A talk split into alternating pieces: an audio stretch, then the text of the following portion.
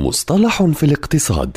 في كل حلقة يطرح المدون وصانع المحتوى الاقتصادي مجدي النوري مصطلحا اقتصاديا محددا بلغة سهلة وبسيطة.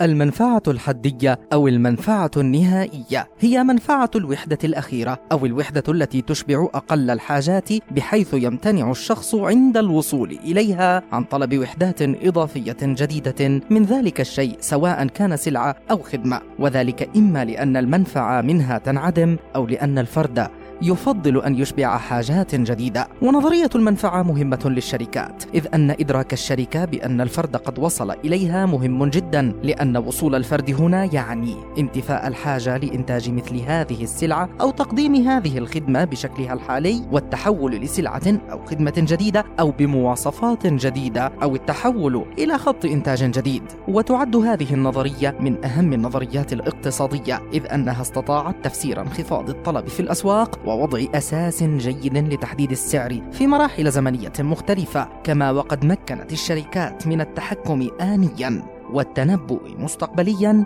في الكثير من تفضيلات الناس.